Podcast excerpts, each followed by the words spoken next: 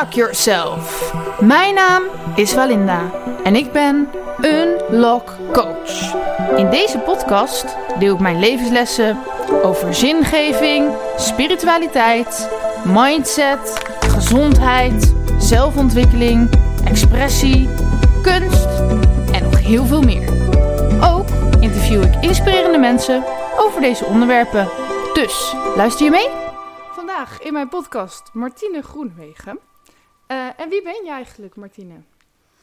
Ehm, ik ben eh, al jarenlang ondernemer. Eh, ik kom uit Lunteren. Ik ben niet geboren en getogen in Lunteren, maar woon er al wel 17 jaar. Ehm, en naast mijn werk ben ik moeder, van twee moeder van twee volwassen zoons. En getrouwd, ook al bijna 30 jaar. Ja, en je komt dus officieel niet uit Lunteren. Ik zag volgens mij uit Eindhoven of zo, of heb ik dat verkeerd Ja. gezien? Ik ben Ja. inderdaad opgegroeid in, eh, in Eindhoven.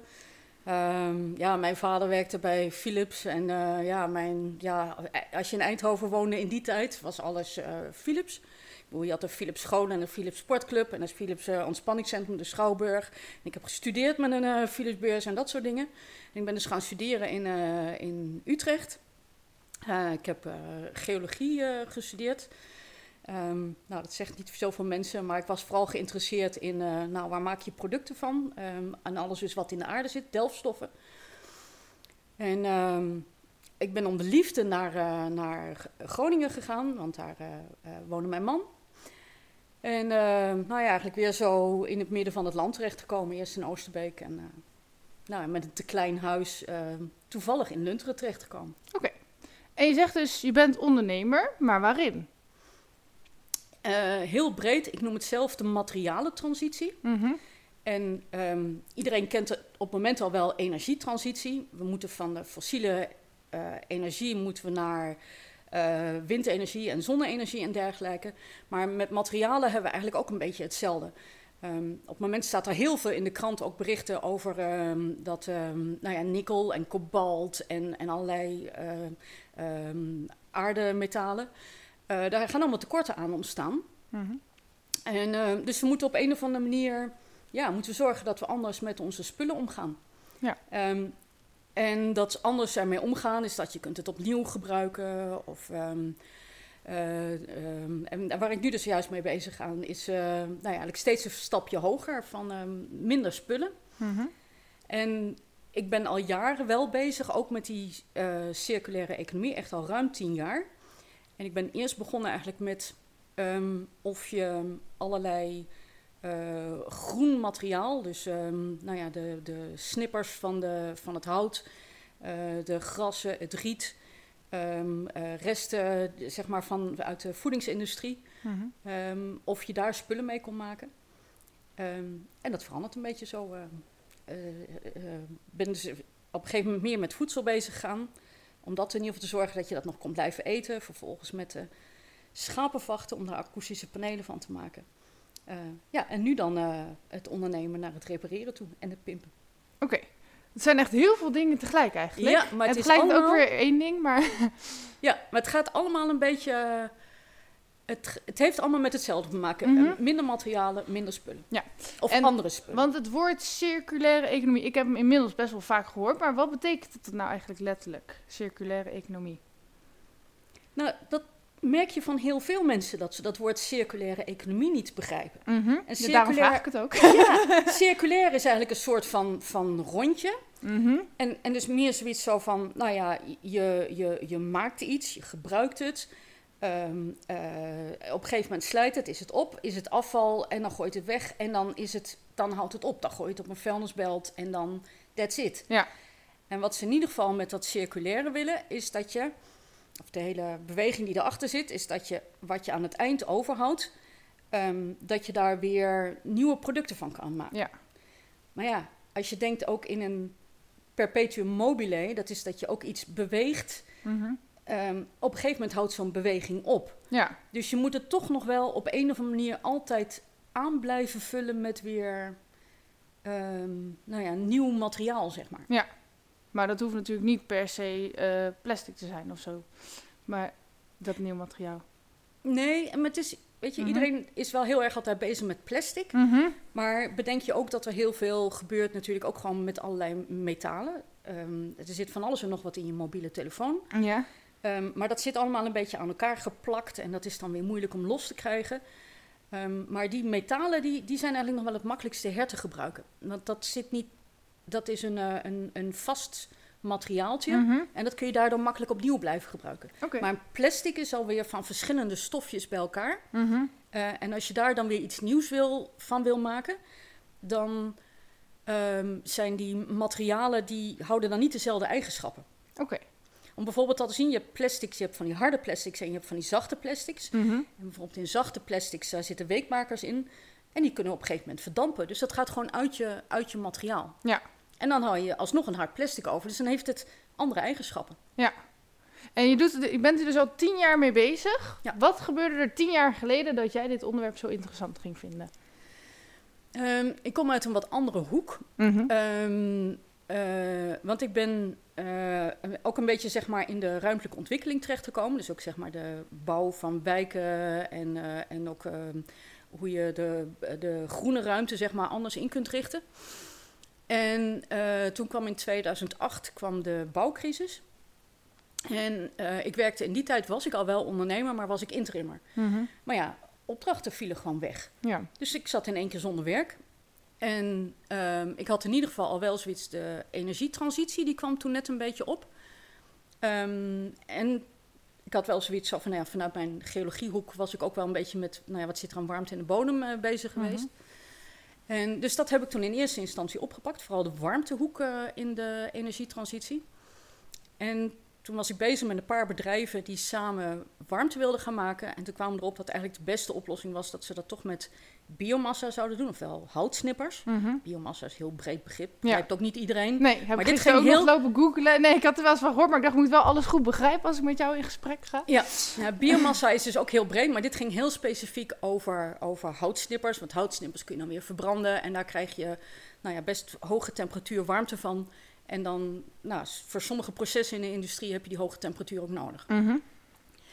En, ehm, maar die ondernemers hadden wel zoiets van, ja, dat vinden we wel heel leuk, maar ehm, we willen dan wel graag eigenlijk dat die, we hebben zoveel bossen hier in de buurt, dat die houtsnippers uit de buurt komen. Mhm. Ehm, ja, en toen begon een ontzettend moeilijke zoektocht.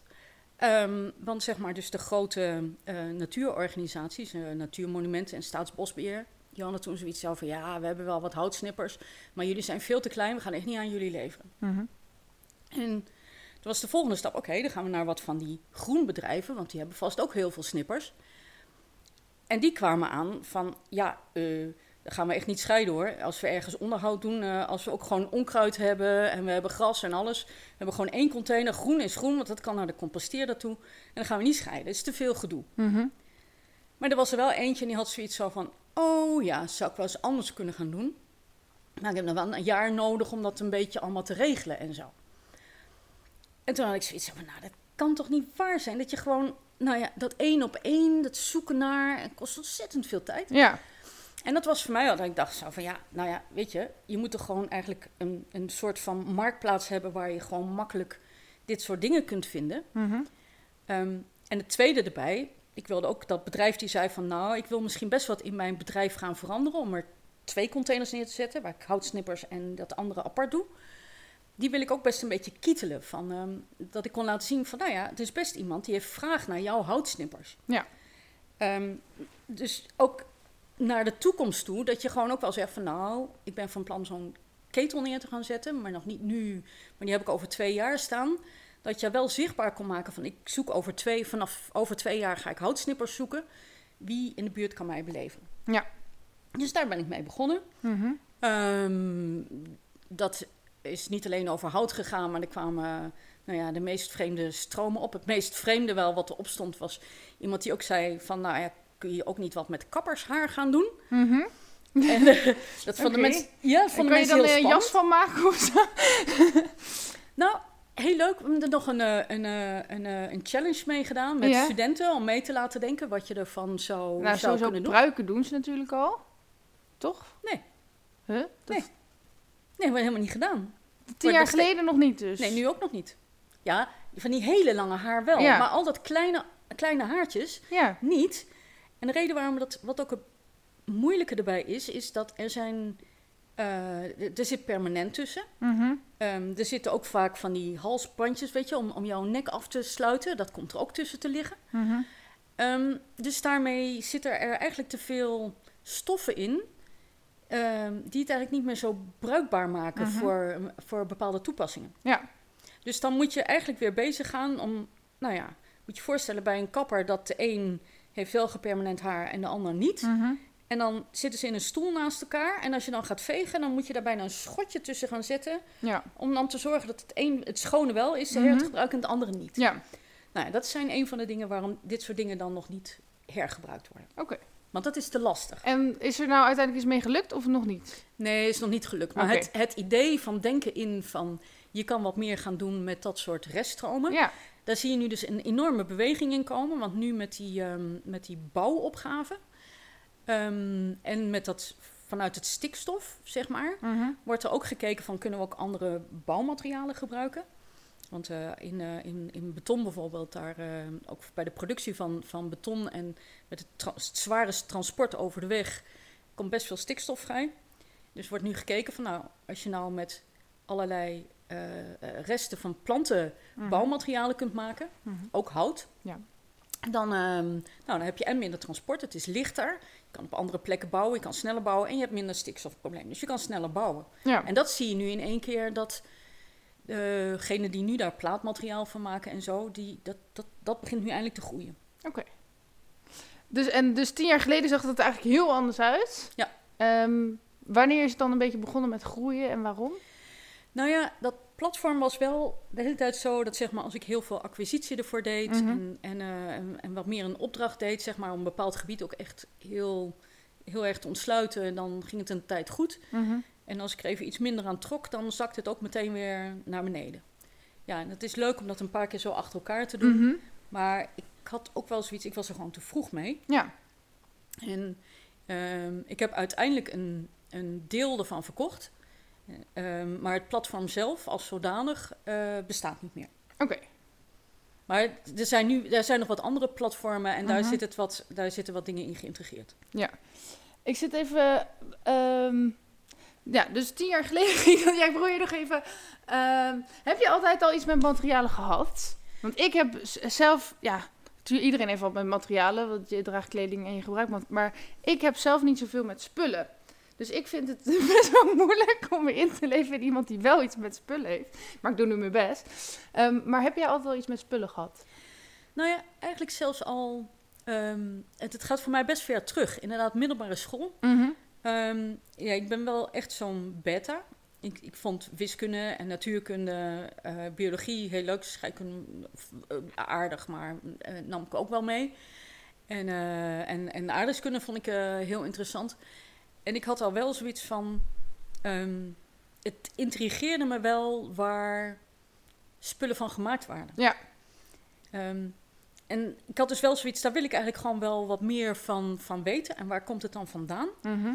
En een beetje met die combinatie van dat wiskunde, natuurkunde en, en aardrijkskunde... ehm, ben ik toen eigenlijk op, eh, op geologie terechtgekomen. Mhm. Ehm, want ik had wel zoiets... Ja, in die tijd, eh, ik bedoel jaren tachtig, want ik ben al wel een slagje ouder. Mhm. Ehm, eh, ja, zeg maar, alle spullen werden eigenlijk gemaakt van grondstoffen die uit de aarde kwamen. Ja.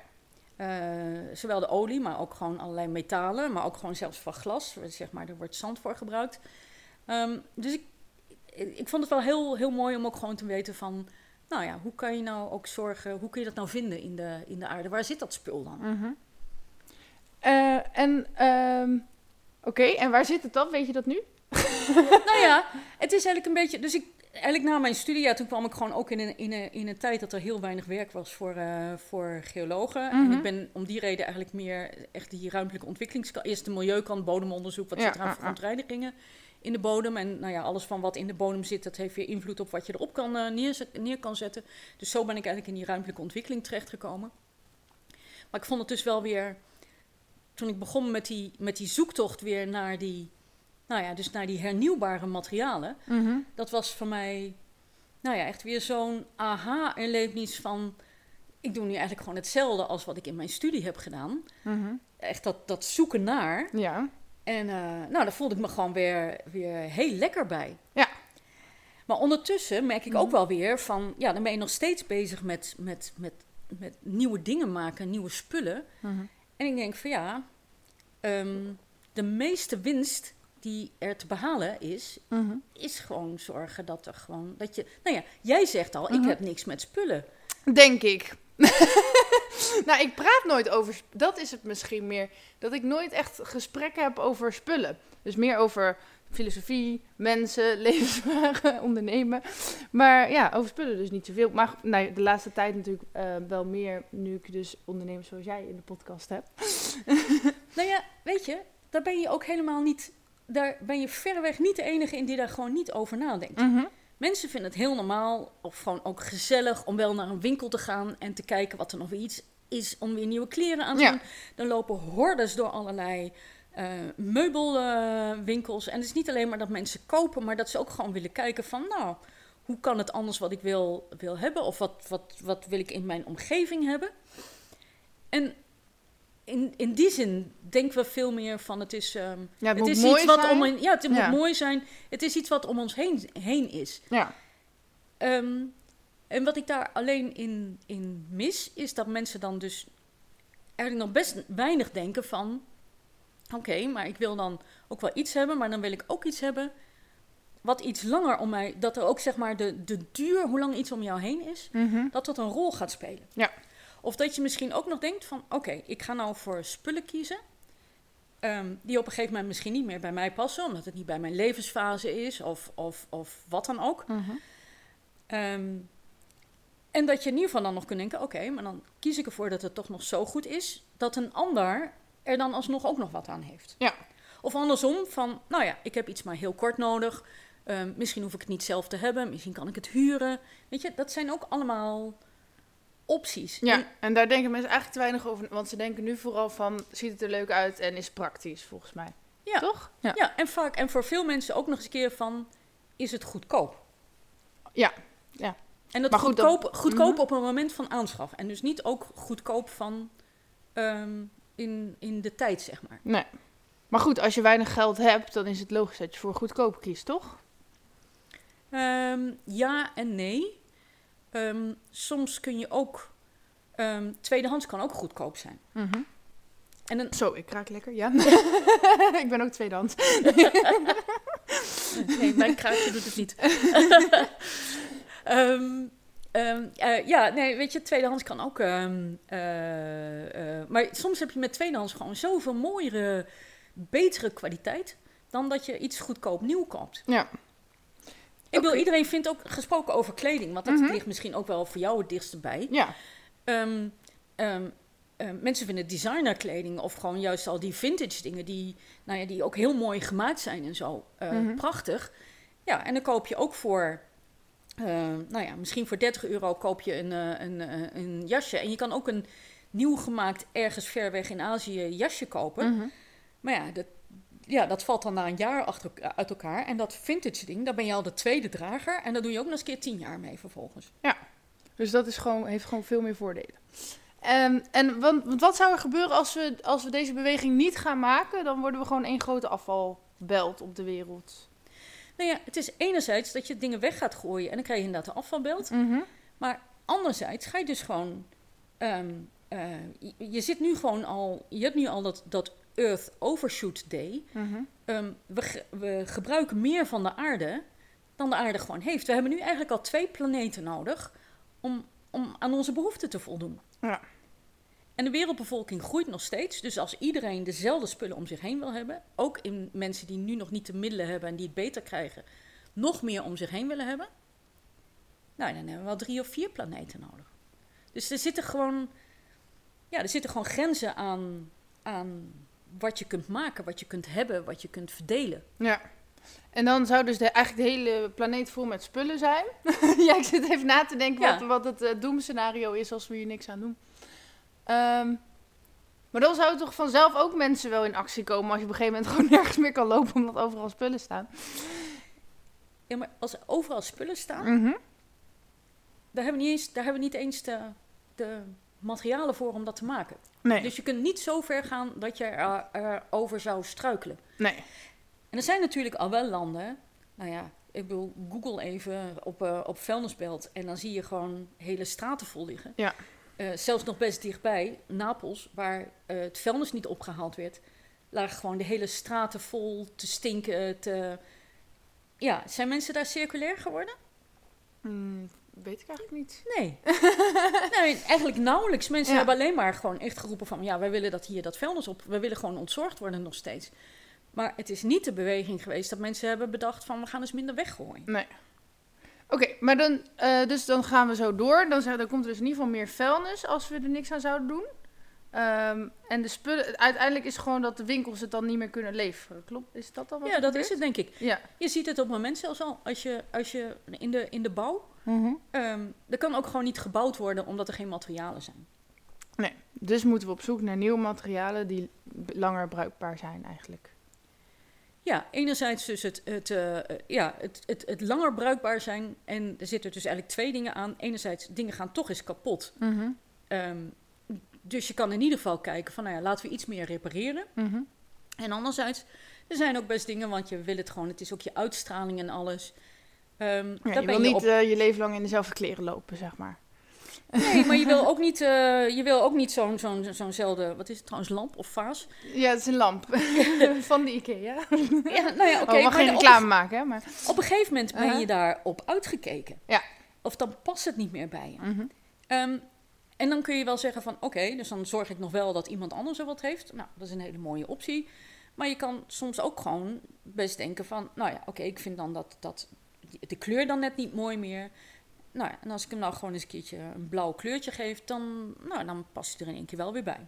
Ja. Of ik doe er een, iets omheen, of ik plak er iets aan, of nou wat dan ook. Mhm. Ehm, en dan vind je het misschien wel weer leuk. En dan is het toch gewoon, dan heb je ook niet, dan hoeft het niet jouw huis uit. En dan eh, heb je er toch gewoon nog steeds wat aan. En wat was nou de laatste keer dat jij iets hebt weggegooid? Het laatste, jij probeert even. nou ja, vanochtend, vanochtend verpakkingsmateriaal. Oké, dus het is niet zo dat je helemaal niet durft weg te gooien. Nee, nee. En het, het is ook heel moeilijk om, om dingen ehm, eh, ook nog weg te blijven gooien. Ehm, nou ja, en grote dingen. eh, ik heb inderdaad ook ik heb een nieuwe tafel gekocht. Mhm. Ehm, en er kwamen gewoon net een paar dingen bij elkaar. We hadden een, een, een tafel met een, eh, met een stenen blad. En nou ja, in de tijd dat er nog gloeilampen waren, vond ik dat niet zo erg. Want daardoor, die gaven genoeg warmte af dat dat stenen blad altijd lekker warm werd. Mhm. Maar dan hebben we nou ledlampen boven hangen en, die, en dat blad warmt gewoon niet meer op. En ik vind dus altijd, weet je, dus dan moet je toch al flinke tafellopers eroverheen gaan leggen dat je armen niet heel koud worden. En toen kwamen vrienden bij ons en die zeiden van ja, we zitten nou eigenlijk gewoon met dat bakken en dat willen we wat uit gaan breiden. En eh, jullie hebben zo'n mooie stenen tafel, hoe ben je daar nou eigenlijk aangekomen? En eh, toen hadden wij eigenlijk zoiets over van, uh, uh, wil je deze soms hebben? Mhm.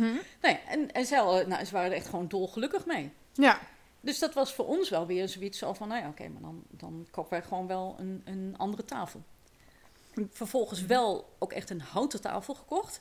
Gewoon, vooral met het grote houten blad, waarbij gewoon alleen een metalen onderstel eronder gewoon geschroefd is. Mhm. Waarbij ik ook wel weer zoiets heb van, ja, mocht het ook wel weer zijn dat die, nou ja, of iets eraan kapot gaat, of erop uitgekeken zijn, of het, nou ja, de vierde generatie mensen die die tafel niet meer wil hebben.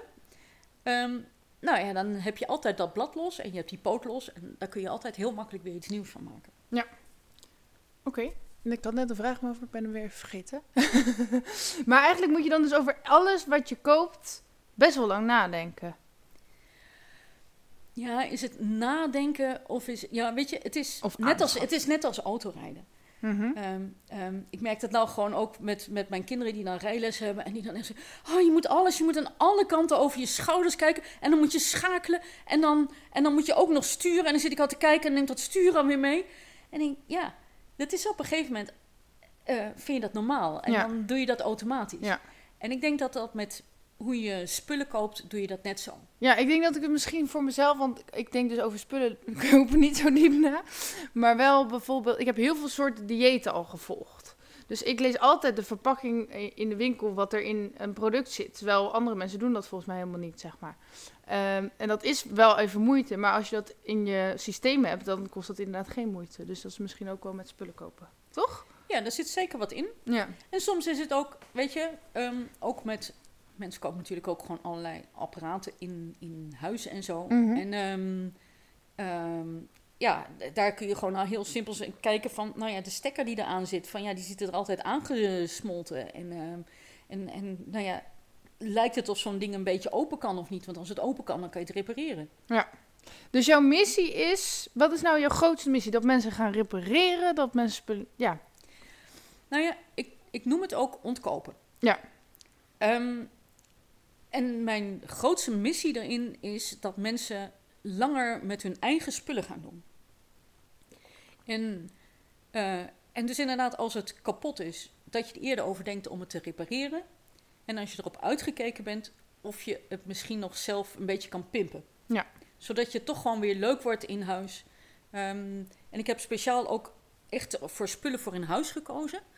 Ehm, want mensen vinden het heel normaal om hun fiets te laten repareren. En hun Mhm. auto vindt ook iedereen eh, normaal om die te repareren. En zelfs als er iets met je huis is, vinden mensen dat ook normaal. Ja. Om eigenlijk daar, daar, daar te zorgen dat dat in goede staat blijft. Maar als het gaat om de spullen in huis, dus gewoon je, je meubels en je gordijnen en je apparaten, speelgoed, sportspullen. Mhm. Ehm, daar zit het bij mensen helemaal niet zo tussen de oren om, om dat te, te repareren of te laten repareren. Maar schoenen misschien wel. Tenminste, ik, ging, ik ga nog wel eens naar de schoenmaker. Nou, maar dat doen dus ook nog niet eens Nee? voor heel veel mensen. En, en gordijnen. Ja, ik heb hele dure gordijnen. Dus dan, als daar iets mee mis is, dan laat ik dat wel maken. Maar ja. Dus, Maar het is niet per se alleen het mis. Maar kijk, Mhm. jij hebt hier nu bijvoorbeeld ook een, Mhm. een, een, een lap omheen hangen. Ja. Maar als jij al in een ander huis had gewoond en dit waren al jouw oude gordijnen, dan had je hier waarschijnlijk je oude gordijnen opgehangen. Ja. dat is ook een soort weer van je eigen spullen. Eh, dat is dan niet per se het repareren of het pimpen, maar nou ja, wel het pimpen, want je hergebruikt het zelf. Ja. Maar zo kan het ook zijn. Dus als jij verhuist van je ene huis naar je andere huis en je hangt het op een andere kamer neer en je gordijnen zijn net zo'n stuk te kort en het zijn wel even gordijnen, is het gewoon heel leuk eigenlijk om er best gewoon een andere strook van een andere stof onder te zetten. Mhm. Eh, en, en dat zit ook dus erin. En hoe komt het eigenlijk dat, dat mensen dat eigenlijk niet doen? Dus dat we het wel met de auto doen. Het zit onder andere in, eh, het zit in, eh, in, de, in de kosten. Mhm. Want ehm, best veel mensen lopen er best tegenaan. Als je iets wil laten repareren, is het gewoon duur. Want reparatie, zeker als je het laat repareren, is eh, eh, arbeid kost, eh, kost veel. Mhm. Ehm, dus dat is, dat is wel een van de dingen die mensen tegenhouden. Maar je hebt ook gewoon plekken waar, je, zeg maar, waar vrijwilligers het voor je kan, kunnen doen. Ehm, en, en ik denk dat gewoon heel veel mensen gewoon zelf veel meer kunnen dan ze eigenlijk denken. En, en daar eigenlijk niet zo bij stilstaan dat het ook gewoon best een leuk klusje kan zijn. Ja. En, en dus gewoon ook gewoon vooral die, de, de lol van het, het zelf iets repareren of pimpen. Ehm, nou, dat staat nog op een heel laag pitje. Dus dat wil jij eigenlijk weer hip maken. Ja, nou ja, en gesproken dus over die, over die huisraad. Want ehm, nou ja, misschien ontneem ik jou nou wel weer wat vragen. Nee, niet, eh, Maar ehm, kijk, we, we begonnen met die. Ik had al een, een hele tijd zo'n idee ook van, nou, ik wilde eigenlijk gewoon iets meer doen dat mensen ook langer met hun spullen doen, of dat het meer in de belevenis gaat of wat dan ook. mhm. Ehm, maar ik heb gewoon heel lang ook zitten, zitten denken, maar weet je, er is eigenlijk niet een. Hoe kun je nou hier een maatschappelijk bedrijf van maken? Ja.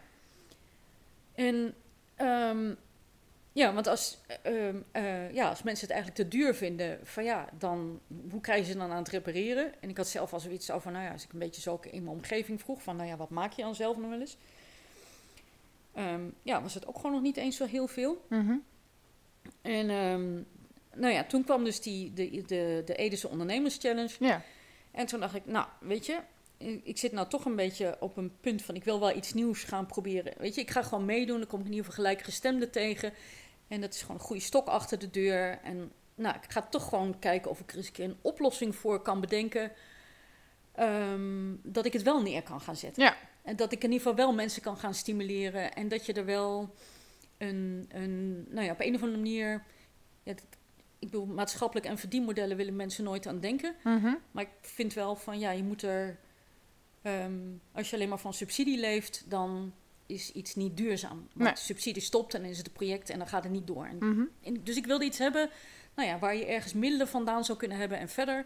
Dus ik dacht, nou, goede periode om daarover te denken. Dus ik ben eigenlijk met een best losse vlodder erin gestapt van, nou ja, laat maar eens een keer ergens met een ruimte beginnen waar, je, waar mensen makkelijk heen kunnen gaan. Mhm. Dat er in ieder geval gereedschappen is en dat ze, nou ja, iemand ze er eens bij kan helpen. En dat je gewoon kunt laten zien dat het leuk is en dat er wat workshops zijn. En eh, ik dacht van, nou, als ik dat in ieder geval gewoon in de buurt kan regelen, dan ben ik al met iets leuks bezig. Ja, en heb je zo'n ruimte? Nee, nee want daar ben ik van afgestapt ook van het idee. Oké. Ehm, want ja, toen kwam ik in die groep en, en nou ja, jij ook en de Mhm. anderen ook, die riepen van, nou ja, eh, de, maar eh, wij repareren nooit en eh, waar begin je aan? En, Mhm. eh, en eh, is dat helemaal niet ons ding? nou ja, ik wil, want ik, eh, wat, wat heb jij het laatste gerepareerd? Ehm, ja, maar ik ben ook echt niet handig. Schaam je niet. Ik- ik zou Schaam dan- je ik niet. zou dan Schaam echt- je niet. Je behoort bij 80% van de inwoners in Ede antwoordt hetzelfde. Oké, maar dan alsnog, zeg maar, eh, als ik iets zou willen repareren, zou ik eerder aan iemand vragen of die het voor me wil repareren of zij. Ik denk niet alsof het, alsof het altijd een hij moet zijn. Maar ik zou dat niet zo snel zelf doen, omdat ik gewoon echt niet weet hoe. Maar daar heb ik nog wel wat in te ontwikkelen. Ja, maar dit vind ik al heel leuk dat jij zegt. Gewoon, nou, ik zou dat misschien eigenlijk best leuk kunnen gaan vinden. Nou, het is meer. Kijk, ik klus bijvoorbeeld ook nooit. En ja, ik ben nu 30. Ik vind eigenlijk dat ik dat wel een keer moet gaan leren. ik laat dat alles gewoon voor me doen, zeg maar. Ja. Ehm, maar ja, ik, ik leer nog heel veel. eh, hoe ouder ik word, hoe meer ik leer. Dus ja, dus ik wil ook beter leren klussen. Maar dit soort dingen zou ik ook best willen leren. Maar ik, ik denk wel dat het niet echt mijn ding is en dat ik er nooit heel goed in zou worden. Maar dat is hoe ik er nu over denk. Maar dat hoeft ook niet. Het is ook niet het. je hoeft- weet je, je hoeft de dingen niet per se goed te zijn. Mhm. Ehm, maar soms kan het ook dat je ontdekt van... hé, hey, maar dit is eigenlijk best leuk dat ik dit zelf kan... en dat ik het zelf op kan lossen. Ja. En, en, ehm, en gewoon eigenlijk heel simpel. Eh, net even een kwartiertje gedaan, weet je wel. Ja, ja, want dat, ik heb ook inderdaad in mijn hoofd dat het heel veel tijd zou kosten. Van je wil, eh, tenminste, ik wil heel veel dingen tegelijk allemaal doen en zo. En het moet allemaal snel, snel, snel. Ehm, ja, dan ga je niet even zitten om iets te maken. Ja, maar sommige dingen... Dus, ehm, ehm, nou ja, ik bedoel, je hebt daar zo'n koptelefoon hangen. Ja, die is dan niet van mezelf, die is officieel van mijn geluidsman. Maar goed, ja. Nou ja, ik, ik zie hem Die kan trouwens volgens mij wel heel goed ook. spullen zelf maken, volgens mij. Ja. Er gaat net even iets in los. Gaat net even een bandje in los. Of net even iets wat, Ja. wat er afschiet. Ja. Nou, heb je eens twee seconden lijm gekocht? Nee. Nou ja, ik bedoel, het zegt al, twee seconden lijm. Dus Ja. als je iets gewoon niet meer aan elkaar plakt, wat je eigenlijk wil dat het aan elkaar zit, en je haalt een tubetje twee seconden lijm, dan, dan zet je het aan elkaar en dan plak je het aan elkaar. En dat heb je dus gewoon, oké, die lijm zegt dan wel twee seconden, ben je natuurlijk langer mee bezig, want je moet die gebruik lezen van hoe werkt dat spul dan en weet ik veel wat. Maar oké, kwartiertje, half uurtje, Ja.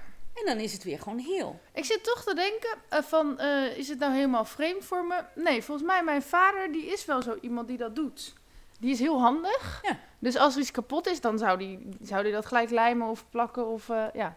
Alleen, om, juist omdat hij dus zo handig is, heeft hij dat altijd voor mij gedaan. Maar heb ik het nooit zelf geleerd, zeg maar.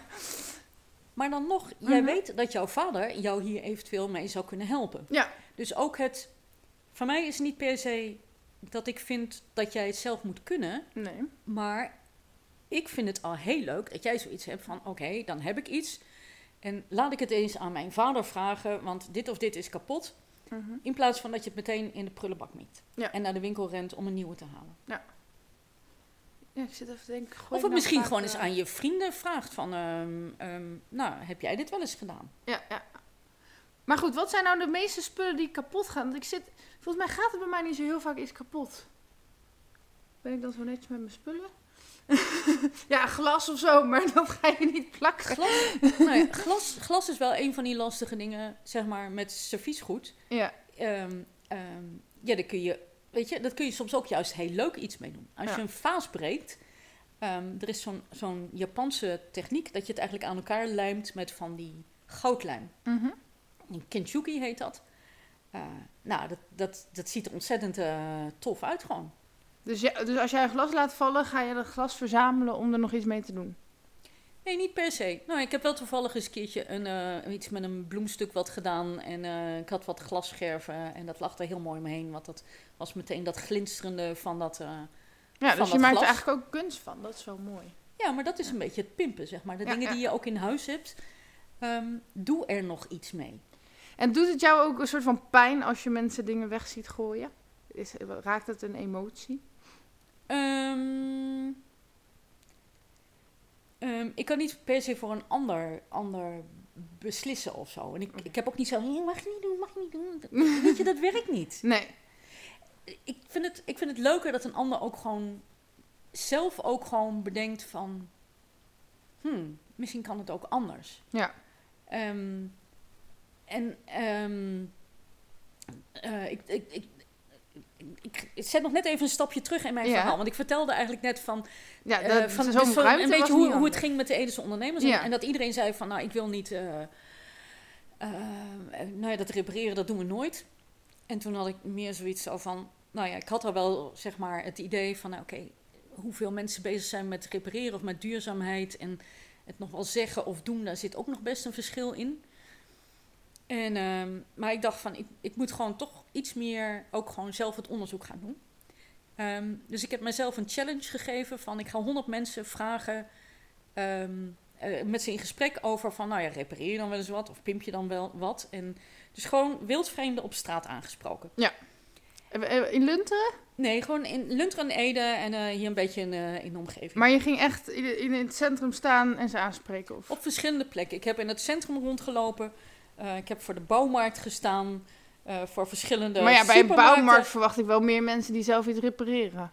Nou, weet je, weet je dat dat eigenlijk de, de, de, de minst leuke plek was om mensen wat te vragen? Oh, Mensen hadden geen tijd, dus die hadden allemaal eh, geen tijd voor je. Dat was één. En het tweede was dat mensen vooral bezig waren met bouwmaterialen voor hun, voor hun huis. En dus niet de spullen in huis waar ik wat mee wilde. Nee. Dus ja, dat vond ik ook wel weer verrassend. ja. En ik dacht van, oké, dus dat is niet per se de, de, de plek waar ik dit, mijn verhaal moet vertellen. Nee. Maar dus voor de, ja, gewoon voor de supermarkten. En ehm, ja, juist, ik, heb ook een beetje gekozen van, ik ben ook gewoon in, eh, eh, bij Bellestein ook eh, mensen gaan vragen. Ik bedoel, dan heb je toch veldhuizen van, dus gewoon hele andere mensen die daar komen. Mhm. En juist in die buitendorpen kijken mensen er ook weer anders tegenaan. Die merkten dat ook wel in de antwoorden, zeg maar, die er kwamen. Mhm. Maar het meest, ehm, wat voor mij in ieder geval wel heel goed was, dat gewoon ehm, eh, van ja, waarom wel en waarom niet. En nou ja, het belangrijkste, en wat ik net al zei, hè, gewoon 80% van de mensen eh, gaf aan dat ze de spullen in huis niet repareren. Ja. Of laten repareren. Mhm. Ehm, toen dacht ik, nou, oké, dat is wel heel weinig mensen die dat, die dat doen. En, maar wat wel het aardige was, dat we, nou ja, dan ben je met die mensen in gesprek. En van, nou ja, hoe ga je dan verder wel met je spullen om? En nou, wil je dan eventueel dat creatieve? Heb je, wat, wat wil je dan? Ehm, heb je ruimte in huis? Ehm, wil je een workshop volgen? Hoe, hoe kijk je daar dan tegenaan? En vervolgens heb ik ook gevraagd van, nou, doe ik dat dan? Voel je dan wat eh, ervoor?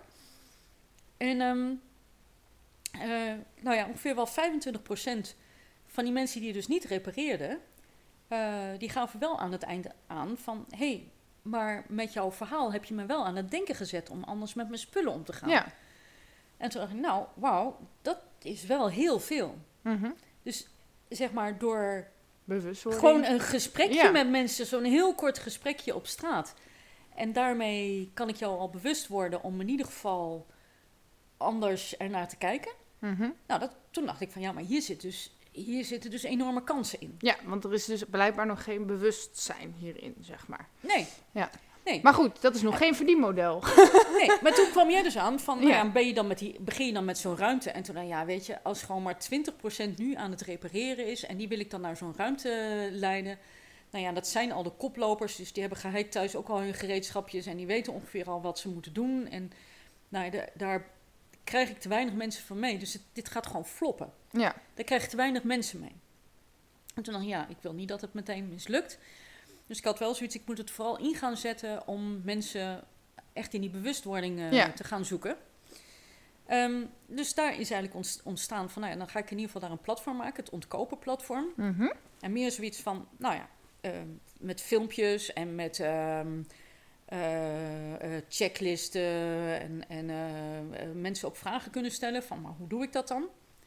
Waarbij ik voor mezelf al wel ook het idee had van, nou oké, als dan iets meer vragen gaan komen van echt van, maar hoe, hoe, hoe moet ik dit dan repareren of waar vind ik die, in die informatie? Dat voor mij dan de tweede fase zou komen van, oké, maar dan ga ik dat ook echt aanbieden. Dan ga ik zorgen dat er cursussen komen en dat er ruimtes komen. En Ja. Niet dat ik dat zelf hoef te hebben, maar dat ik mensen door kan verbinden naar, naar dat soort ruimtes of Ja. naar gereedschap of wat dan ook. Oké. En dus in die tweede fase zit wel heel duidelijk het verdienmodel, want daar kun je zeg maar nou ja, de, de doorverwijsfee zeg maar in, eh, in, in regelen. Eh, en andersom, ja, ik kan zelf ook zorgen dat er workshop, eh, workshops komen, dus daar zit ook een verdienmodel in. Maar dus die eerste fase, ja, bewustwording van mensen, ehm, daar zit niet een direct verdienmodel in, want ik wil het, ja, kun je wel kiezen, ja, laat mensen ervoor betalen. Maar ja, weet je, als je er niks mee hebt, dan ga je... Mhm. Om, Nou, dan ga je helemaal niet betalen, nee. Voordat jij nieuwsgierig bent, ga je daar niet voor betalen. Nee. Ehm, dus dat, dat was eigenlijk het, eh, het, het eerste. En, ehm, maar ik, ehm, ik heb zelf altijd heel erg eh, business-to-business eh, mijn activiteiten gedaan. Ook, zeg Ja. maar, wat ik al eerder vertelde, dat platform voor die, eh, voor die eh, organische restspul. Ehm, dus ik heb wel mijn contacten een beetje in het bedrijfsleven. En wat ik daar zie gebeuren, is dat die, die zijn ook wel bezig met dat andere eh, duurzamer inkopen Mhm. circulair, of ik, ik gebruik liever het woord materiaaltransitie. Mhm. Ehm, maar die bedrijven doen datzelfde. Ja. En dan wordt dat, zeg maar, zeg maar, vooral bij die grotere corporates ingezet bij de, bij de duurzaamheidsafdeling, sustainability eh, managers die Mhm. daar een leuk plan voor bedenken. Ja. En vervolgens moet dat in de organisatie terechtkomen. Mhm. Eh, dat mensen ook bewust worden van, oké, doe maar wat langer met je spullen, of koop wat anders in, of geef een andere opdracht van wat we in moeten kopen. En daar zijn ze best veel moeite aan kwijt. Ja. En ehm, wat ik nu doe, is ik vraag die bedrijven nu als partner voor dit platform, Mhm. ehm, met dat verhaal, dat ik zeg van, ehm, ik help jou niet om dat verandertraject in jouw organisatie voor elkaar te krijgen, Mhm. Ehm, maar ik doe het andersom. Jouw medewerkers eh, probeer ik thuis te beïnvloeden om anders met hun spullen om te gaan. Ja. Daar heb ik mijn platform voor. Dus eigenlijk verandering van onderaf. Ja. Ja. En alles wat jij thuis doet, neem je eigenlijk ook mee naar je werk. Ja. Want dat ga je daar ook normaal vinden. Dus het is een beetje voor die bedrijven een, een tweede benadering om hun verandertraject voor elkaar te krijgen. En daarmee heb ik dus ook zoiets, kun je dus een versnelling voor elkaar. Dus dat, dat traject van de voorkant af vanaf inkoop de organisatie in, moet je blijven doen. Ik doe het van de andere kant af, je medewerkers en dan terug. Mhm. Dus en juist die versnelling, ehm, dat is wat ik tegen die bedrijven ook als verhaal aangeef. Van als jij nou meedoet om te zorgen dat dit mij helpt met de middelen om dit platform van de grond te krijgen, Mhm. ehm, dan kan ik in ieder geval jouw medewerkers eh, inspireren om het mee te nemen. Maar stel je voor, ik werk bij een heel groot bedrijf. En waarom zou ik dan bij het on- ontkopen platform gaan, zeg maar? Hoe, eh, hoe ga je dat doen? Dus, dus mijn leidinggevende zou dan zeggen dat ik daarbij moet of zo?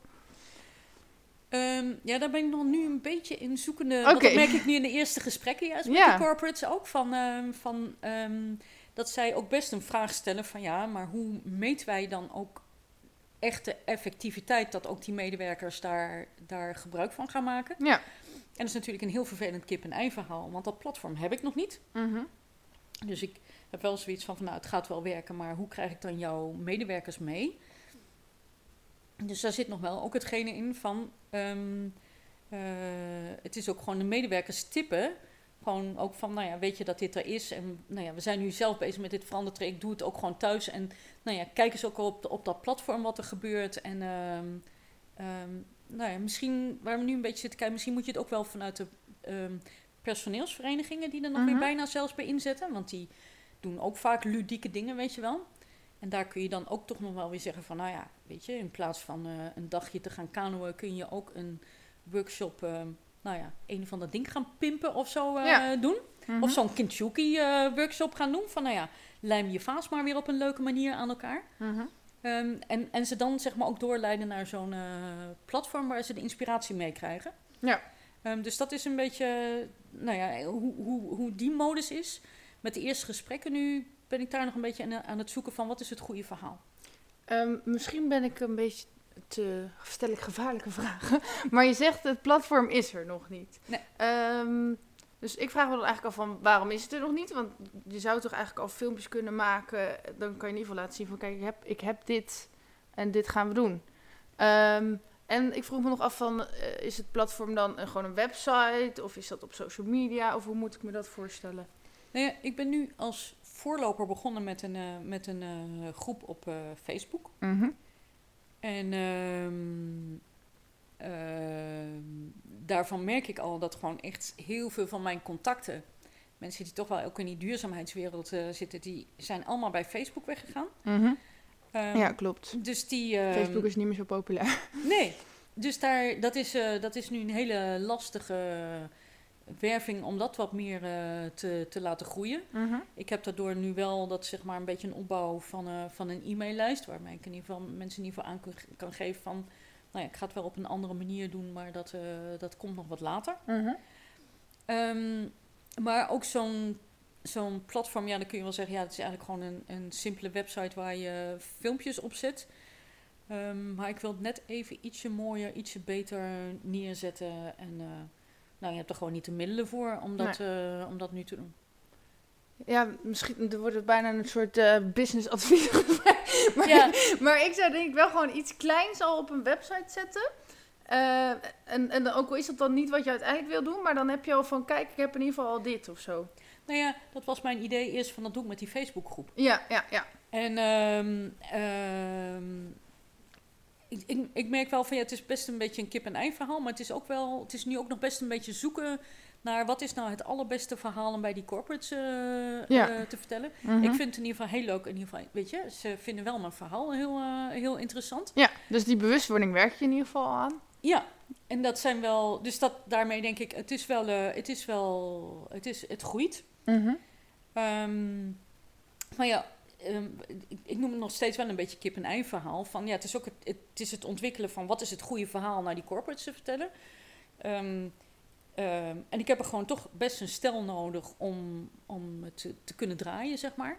Mm -hmm. dus ja, je moet het een beetje bij elkaar... Uh, sprokkelen. Bij elkaar sprokkelen. Oké, okay. ik ga even kijken wat voor... Ik heb nog helemaal niet naar mijn vraag gekeken.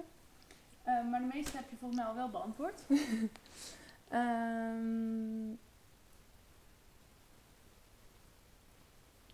Ja, wat is, volgens mij, daar hoor ik je ook nog een beetje in zoeken. Maar heb jij al een, een soort doelgroep die jij het meest hierin aan wil spreken? Dus zijn het dan uh, jongeren, ouderen? Um, wat voor soort mensen is jouw doelgroep?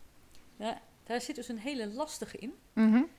um, want weet je, natuurlijk in marketing wil je altijd het liefste dat je gewoon een zo scherp mogelijke persona maakt. Ja. En, en met leeftijd en alles um, erbij. Mm -hmm.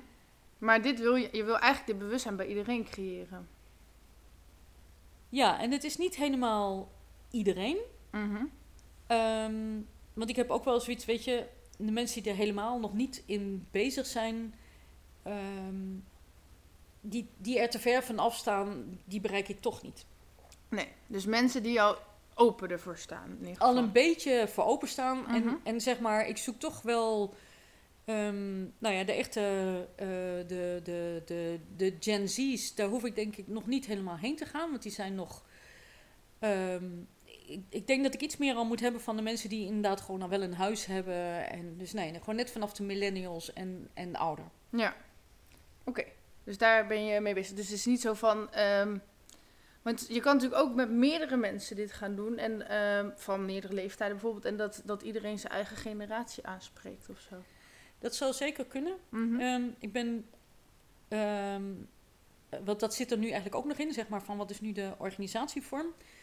Um, ik wil er een, uh, zeker omdat ik ook gewoon met die partnerschappen zit en in eerste instantie vooral in die gedragsverandering zit, mm -hmm. uh, wil ik het in de vorm van een stichting gieten. De stichting is nog niet opgericht, maar voor een stichting heb je sowieso minimaal drie bestuurders nodig. Ja.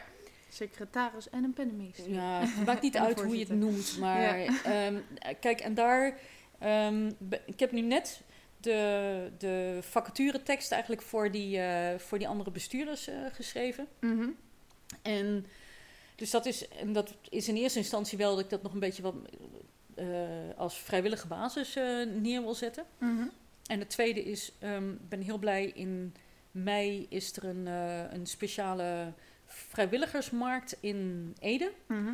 Eh, en allerlei organisaties die vrijwilligers kunnen gebruiken, die eh, kunnen daar eh, zich presenteren. Mhm. Ehm, en daar, kan ik ook, daar mag ik staan. Cool.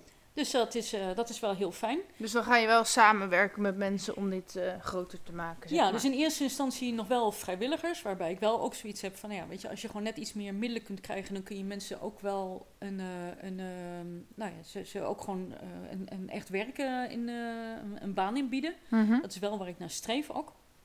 Ehm, maar ik hoop dus ook met zo'n vrijwilligersbeurs. ehm, ja, dat daar ook gewoon mensen van alle leeftijden komen en die, ja, die dan ook mee willen doen. En wat jij zegt ook van Mhm. ja, je kan ook iemand vragen om een heel specifieke leeftijdsgroep eh, te benaderen. Ja. Dat lijkt, me, dat lijkt me heel tof. Ja. Maar ik vind het wel, ik merk wel van. ehm, ehm, ehm, ik, ik vind het heel leuk om die leeftijdsoverschrijdende dingen bij elkaar te binden. Mhm. Maar ik werk, merk wel dat dat nog best lastig is. En heb je dan zelf een voorkeur voor een bepaalde leeftijdsdoelgroep voor wie je dit dan voor jezelf het liefst zou brengen? Dus, Nee. dus niet per se omdat dat met je missie te maken heeft, maar wat het best bij jou past? Nou ja, weet je, het makkelijkste is natuurlijk gewoon altijd dat je wel leeftijdsgenoten Ja, hebt. Dat werkt volgens mij altijd het beste. Ja, dat, dat, dat, dat, dat is wel zo. Maar ja, van de andere kant, weet je, ik heb ook gewoon mijn, mijn, eh, mijn kinderen, die, nou ja, die zijn dan wel Gen Z. Dus van hun vrienden zie ik natuurlijk ook van alles en nog wat. Mhm. En ja, ik heb wel altijd zeg maar heel, ja, ik ben er zelf wat, wat losser in. Mhm. Maar ja, als mensen alweer beginnen om mij met u aan te spreken, dan krijg je nou dan. Gebeurt bij mij ook al hoor. Oh, nou, al pew. Oké, ik ehm, eh, las ook nog dat je iets deed met schapen, vachten, filter. Kan je daar meer over vertellen? Ik zie er eentje achter je liggen. maar dat is een Die is neppert. een nepper volgens mij, ja. Ja. Maar het staat wel leuk. Ja, dat is een beetje mijn coronatijd dingetje geweest. Oké. Ik, ehm, ehm, ja, ik was voor coronatijd bezig om, om dus nou ja, iets meer met voedsel en bijeenkomsten. Nog de, eigenlijk de, de, de naloper van die organische reststromen wat te doen. Nou ja, ik bijeenkomsten voor nodig. Nou, het viel natuurlijk gewoon stil. En toen ik zoiets, ja, waar kan ik dan nog weer geld aan verdienen anders dan dat ik anderen help om nou ja, ook nog weer business op te zetten.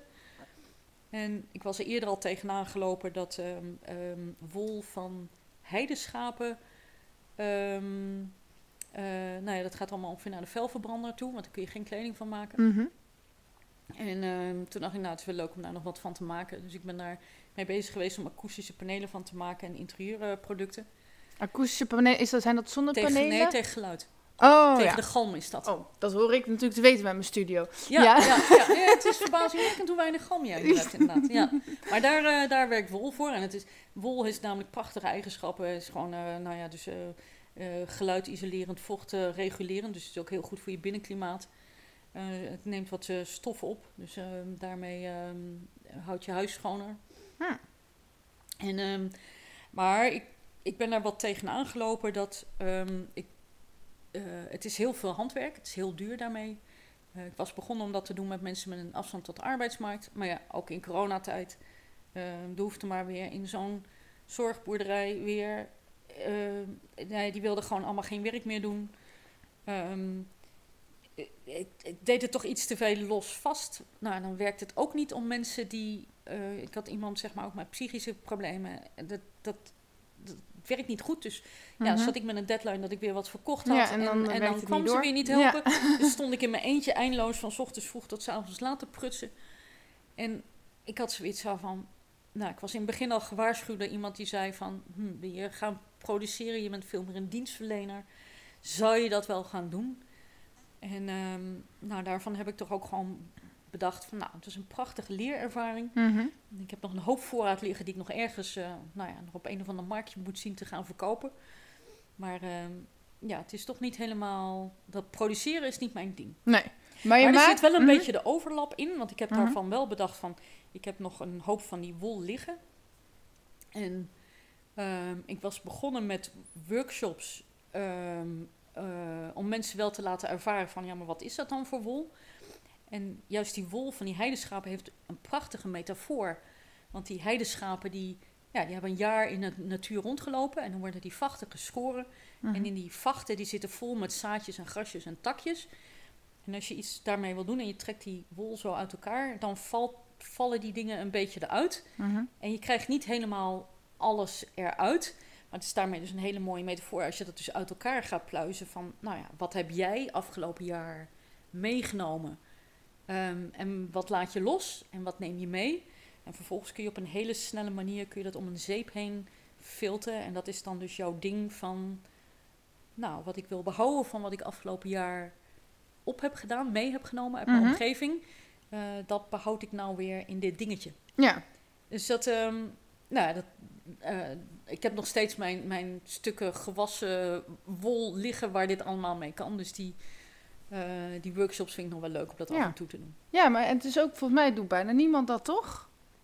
Of, Nee, Nee. nee, nee, dit, is, dit, is, dit is gewoon ook weer best een, best een, best een unicum om dit, om, om, om dit te doen. En ik, en ik vind dus ook gewoon, ja, juist ook een beetje dat, ja, wat daarin zit, dat, dat coachende, dat verhalende van, en juist die natuurdingen en dat toch met je handen bezig zijn en, en, eh, en die combinatie tussen je handen en wat in je hoofd zit. Mhm. Ehm, ja, dat geeft me een goed gevoel ook om dat, nou, ja, dat geven en nemen in zo'n workshop. En je hebt heel veel ehm, ervaring als ondernemer, heb je dus eigenlijk al gezegd. En, maar ook als manager, volgens mij. Ehm, wil je over een van die dingen of allebei nog iets vertellen? Ja, want wat ik zeg maar, juist door die, ik ben heel erg echte ontwikkelaar ook in dit soort eh, businessmodellen. En ehm, ik gebruik daar zelf heel erg ehm, de zogenaamde design doing Mhm. methode voor. Iedereen denkt altijd in design thinking, maar dat zit veel denken. En ik heb zoiets, iets ontwikkelen moet je ook doen. Mhm. En ehm, eh, dus daar geef ik ook nog wel workshop in, dat ik mensen ook help van, nou ja, oké, je hebt, je wil iets anders met wat je nu doet. Het is niet helemaal zo naar je zin, je wil het net iets anders maken. Hoe kun je brainstormen? En daar haal ik soms studenten bij, of haal ik wat andere mensen die gewoon kennis hebben, haal ik daar dan bij om mee te denken. Mhm. Ehm, en dan is het gewoon heel snel van, oké, maar wat zijn dan, waar zit energie op? Wat zijn de dingen die je makkelijk uit kunt voeren? Dat is het dan nog niet helemaal, maar kun je hier dan een, kun je hier heel snel een nieuw ding van maken waar je wat geld aan kan verdienen? Ja. En dan ook dus het, echt dat doing zit er dan ook in van, dat is het dan nog niet. Dat is eigenlijk nog steeds een beetje een prototype, maar ga het maar gewoon uitproberen. Ja. En, ehm, en daar komen gewoon. eh, Dit, dit kun je eigenlijk best in, een, in, een, eh, in, een, in korte sessies eh, doen. Mhm. En ehm, nou ja, ik vind het gewoon leuk om dat af en toe te doen. En eigenlijk zou ik er iets meer in moeten doen. Maar ehm, Oké, dus je begeleidt eigenlijk onder, startende ondernemers daarin dan? nee, het is niet per se alleen startende ondernemers. Ik had op een gegeven moment een, eh, een, eh, een boer met een beetje verlopen campingje. Mhm. En eh, dat deed de boer erin een beetje erbij. En het was het begin van de coronaperiode. En, en ze hadden zo- zoiets over, ja, wat moeten we nou? Iedereen die wil, mensen willen best gaan kamperen. Moeten naar huisjes neer gaan zetten. Maar dan krijgen we in één keer weer van dat heel ander volk hier. En dat vinden we helemaal niet leuk. En vervolgens was, eh, was hun dochter, die woonde in het buitenland. En die kon daar ook niet blijven werken. Was ook teruggekomen. Dus die zocht ook nog een beetje wat ze wilde. En die, nou ja, die had wat dingen met catering gedaan. En ze maakten samen soep. En toen hadden ze zoiets van, nou, een beetje zo zitten brainstormen. En waar we eigenlijk uitkwamen was, ze hebben nog een extra pipowagen op die camping neergezet. Ze hebben een schuur leeggeruimd waar kinderen konden spelen. Ook dus gewoon dat ze een, wat meer een slecht weervoorziening hadden. En ze zijn soep gaan maken, wat ze twee keer in de week gewoon aan de campinggasten gingen, gingen aanbieden. En daardoor juist, omdat ze toch die, die camping was verder niet zoveel, maar omdat ze die speelruimte hadden, kregen ze nou, wel leuke mensen. Kon- En vooral meer mensen die ook gewoon met slecht weer het leuk vonden om daar te kamperen. Mhm. En ze verdienden meer met die, eh, met die soepen. En daardoor hadden ze in één keer dat die dochter dus ook gewoon weer inkomsten had. Ehm, dus gewoon, weet je, Mhm. eh, het lijkt zo simpel. ja. Maar, Maar het eh, kan een heel groot zo- verschil maken. En, en hier zat, dit waren ook gewoon vooral de dingen dat zij zelf ook zoiets hadden van... Nou, we willen niet echt die andere mensen hebben. En het moet allemaal niet te mooi en te netjes worden. Maar hier kregen ze dus precies het publiek wat ze wilden. En ja, wat, wat hoefden ze voor te in- investeren? Ja, ze moesten die schuur leegmaken Mhm. en die pipowagen. Maar hoe, ehm, stel dat, dat je dat met mij zou doen, hè? hoeft niet per se met mij, maar ehm, moet je dan iets doen wat eh, voor mensen leuk is of wat ik zelf leuk vind? Dus ook, ah, het gaat niet per se om mij, maar ook met die boer van, eh, moet je dan doen wat, wat mensen trekt naar die camping? Of moet je doen wat die boer het leukste vindt om te doen? Of is het een combinatie tussen die twee? Het zou allebei kunnen. Oké. Maar ik heb het altijd, voor mij is het iets meer. Ik ben wel goed in, in dat ook van als jij wil dat je nog ergens wat meer middelen uit zou kunnen halen. Mhm. Of dat je gewoon überhaupt wil gaan denken van, ehm, nou ik heb nu al een idee, ik ben al een business al aan het uitwerken. Ehm, hoe kan ik dit slimmer, hoe kan ik hier meer een multiple verdienmodel op zetten? Mhm. Eh, dat zijn wel de dingen waar ik heel goed in ben en waar ik zelf heel erg in mee kan denken. Ja. Ehm, eh, dus ja, dus daar, weet je, er, er zijn natuurlijk meer mensen die dit soort dingen doen. Ja. Maar dit is mijn meerwaarde. Maar ik heb dus en die meerwaarde van hoe kun je iets doen waar je meer uit kan halen. Maar, maar ik ben wel altijd heel erg ook bezig van, maar wat vind je zelf ook leuk? Waar zit voor jou Ja. de energie op? Wat, want je kan wel iets, iets gaan bedenken om iets te gaan doen, maar als je toch een beetje, nou ja, zoals voor mijzelf ook, dat ik gemerkt heb van, ja, ik dacht wel dat dat produ- produceren, ja, dat vond ik onwijs leuk om dat uit te proberen en te zien hoe dat allemaal werkte. Maar Het is eigenlijk niet je dat ding. is het toch niet? Nee. Maar dat leer je ook, dat is toch ook ondernemen, dat je nieuwe dingen durft te proberen en dan inziet van ja, dat eh, past wel of past niet, zeg maar. Ja, en ik heb ook voor mij, in, als ik ook op terugkijk, zeg maar, mijn productieactiviteiten waren nog best prototype eh, fase. Ik heb geen eigen machines gekocht nog. Zover was ik ook nog niet. Ehm, dus weet je, wat dat betreft is het, eh, is het ook gewoon goed om dit soort dingen al, al ook gewoon te merken van... Nou ja, ga het maar doen. En dan kan je wel wachten van, oké, maar hier moet ik dus mijn eigen machines voor hebben. Ik moet allemaal heel groot neerzetten. Ja, en als je er dan achter komt, ja, dan heb je ook pech. Eh, en je hebt dus ook veel managerservaring, toch? Zag ik staan. Ja, ik heb het nodig aan projectmanagement Ja. gedaan en zo. Ja. Dus ik vroeg me af. En, en bestuurlijk zit nu ook nog in het algemeen bestuur van de waterschap. En Ja. Het is gewoon leuk om. Ik vind het gewoon leuk om met in organisaties van een, van een ander mee te kijken op een heel ander niveau, zeg maar. Want ik vroeg me af, wat is nou jouw visie op leiderschap? Wat voor leider ben jij? Ehm, ik, er zit voor mij wel iets aan. Ik vind het wel heel leuk als er wel echt een link met de inhoud zit. Mhm. Ehm, dat, dat duurzame vind ik. eh, duurzaam en efficiënt, dat, eh, dat, dat, dat, dat, dat zit daarin. En ik ben daarin wel heel erg de verbinder tussen de, tussen de partijen. Degene die de, de, het samenbrengen van. En dat doe je nu ook eh, regelmatig, dat je mensen samenbrengt. Ja, nou ja, wat ik al zei, nu, ja, nu dus ook weer voor mij wel het nieuwe om, om dit in één keer met vrijwilligers eh, eh, aan, de, aan de gang te gaan. Maar dat vind ik ook wel weer.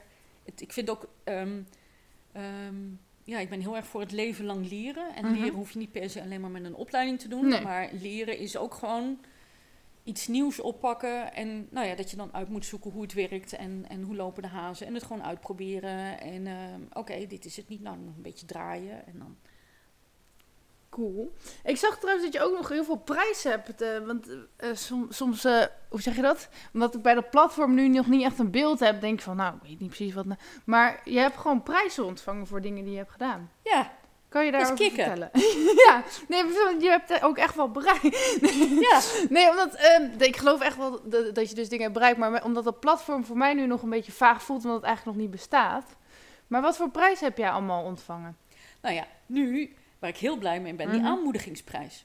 Oh ja, bij de, de Ondernemers Ondernemers Ja. Nou, en dan, en dan denk je, ja, is aanmoedigingsprijs. Maar nu, Mhm. dus, nu ik bij die corporates in gesprek kom, Kan je dat wel ook benoemen? heb ik in ieder geval zoiets, ja, ik heb in ieder geval voor het plan wat ik gemaakt heb, heb ik de aanmoedigingsprijs gekregen. Dus er zijn mensen die dit in ieder geval interessant vinden. Ja.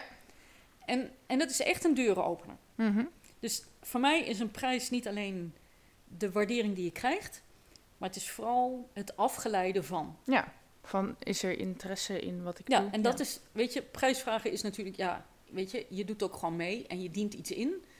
Ehm, er zit vaak, nou ja, ik bedoel, je mag hopen dat iemand anders jou voorstelt, maar eh, het is toch ook veel zelf doen. Mhm.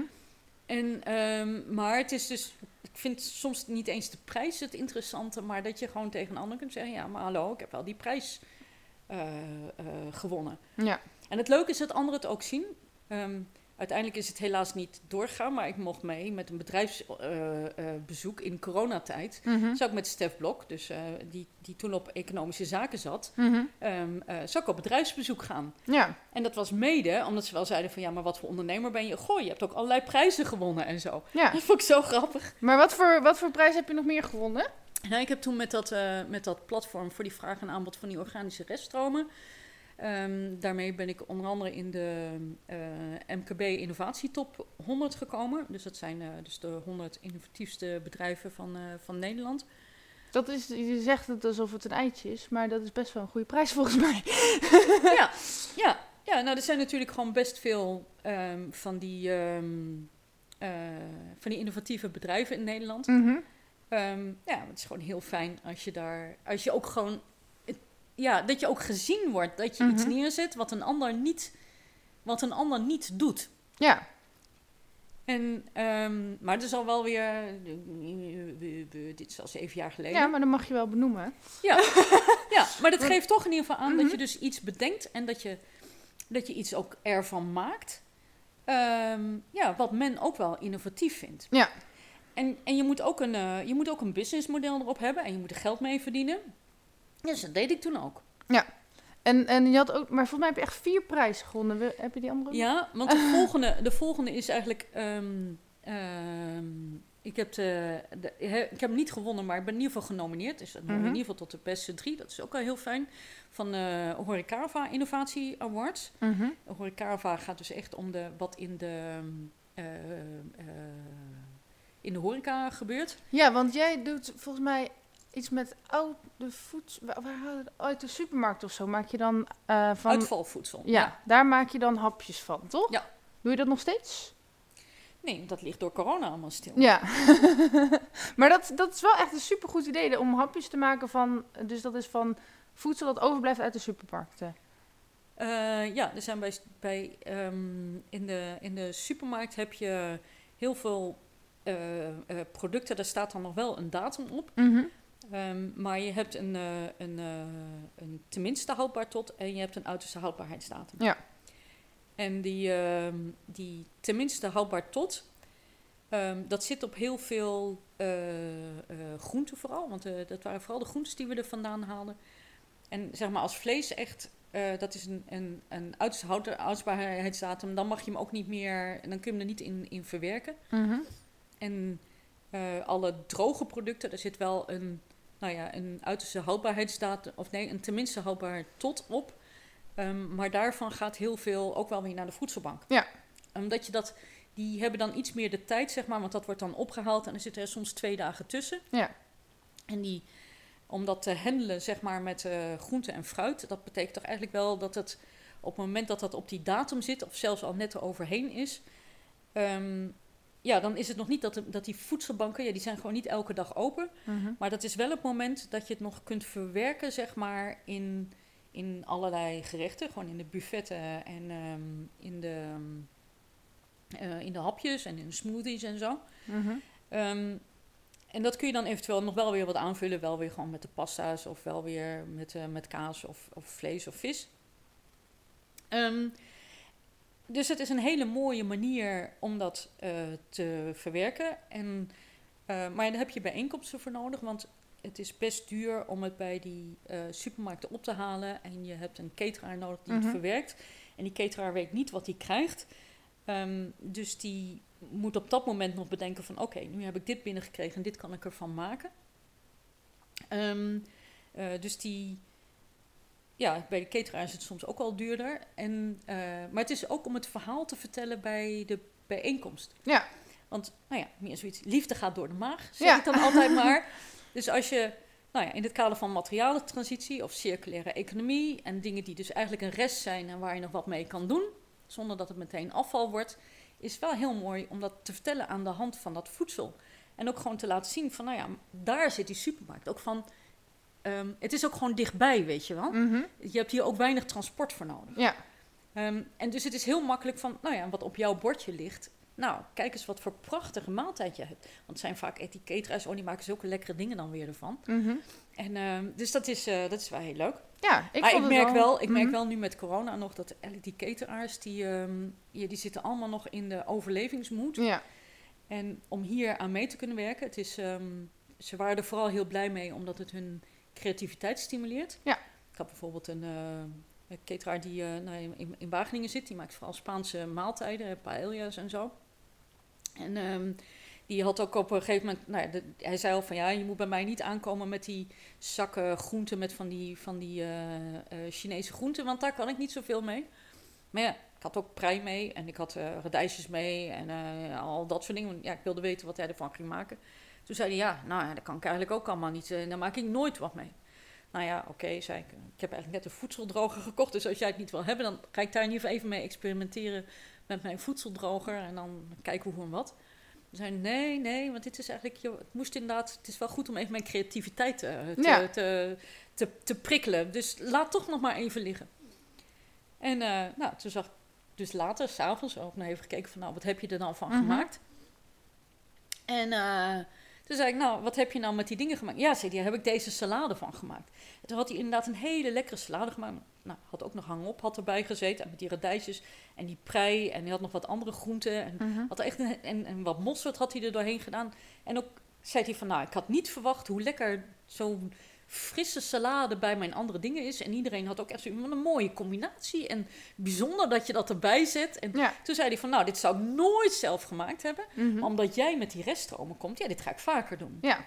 Dus eigenlijk geef je mensen gewoon creatieve nieuwe ideeën. Ja, dat is het idee wat daar, waar mensen... Ik vind dit gewoon het mooie voorbeeld van... Omdat hij echt zo mopperig was Ja. en zo... van, je wil alleen maar dit en dit en dit en dit hebben. En, eh, maar dat hij toch zoiets heeft van... Nou, het is mijn creativiteit en leuk. En eh, ja, En eh, ik blijf maar door op de prijs. maar er was nog één prijs volgens mij die je hebt gewonnen. ja, ik heb dus met die... eh, met die met, door die schapenvachten... Mhm. Daar heb ik de, eh, ben ik in de Gelders eh, innova- in de circulaire innovatietop 20 eh, gestaan vorig jaar. Nou, En wat ze daar vooral in aansprak, ehm, was ik, wat ze ook zeiden van het is ook, het is echt een vergeten reststroom. ja. En ehm, ja, niemand denkt eraan dat die, dat die wol van die, van die heideschapen, dat dat de verbrandingsoven ingaat. Mhm. En eh, ja, je maakt er toch wat van. Ja. Maar ja, daar schaam ik mij nu een beetje voor dat ik daar, nou ja, toch eigenlijk dan niet mee, ondanks die prijs, Mhm. eh, daar nu verder even niet mee verder ben gegaan. Nou, maar ja, weet je, het ligt Mhm. op de plank en ik kan altijd weer, Ja. dit kan je altijd weer oppakken. Maar want ik ik weet nu hoe de hazen lopen. Ja, maar ook gewoon, ik denk dat je je niet moet schamen, maar je, bent je bent gewoon de hele tijd creatieve projecten aan het bedenken op het gebied van duurzaamheid. En ehm, nou, het ene project werkt beter dan het andere. maar ik denk wel gewoon, als, als bedrijven iemand nodig hebben om te sparren over duurzaamheid, dan ben jij wel de ideale persoon, want jij weet wel wat voor materialen en middelen er allemaal zijn. Toch? Ja, zelfs nog grappiger. Ik werd gisteren gebeld door iemand van... eh, we zijn bezig met een innovatie. Ja. En eh, we willen nog een beetje kijken of we dit iets, iets circulairder kunnen maken. Ja. En ehm wil je meedoen? En bijna alle bedrijven zijn hiermee bezig op dit moment. Dus eigenlijk eh, zou, zou je telefoon vanaf morgen wel rood, rood gloeiend staan, denk ik. Nou ja, weet je, nou, ik, ik, ehm, ik heb het natuurlijk ook wel een beetje nodig op het moment nog. Want Ja. nu, zeg maar, zo'n platform ontwikkelen... Mhm. eh, daar heb ik dus nu nog geen, geen inkomen uit. En Nee. ik- weet je, ehm, ik moet er ook gewoon wel ergens inkomsten eh, mee genereren. Ja. En ehm, ehm, eh, dus, dus ja, het is ook een beetje zoekende van dat je wel af en toe nog wat van die adviesdingen, Ja. Eh, dat dat ernaast zit. Want daar zit dus nu, zeg maar, voor mijzelf mijn inkomen nu nog in. Mhm.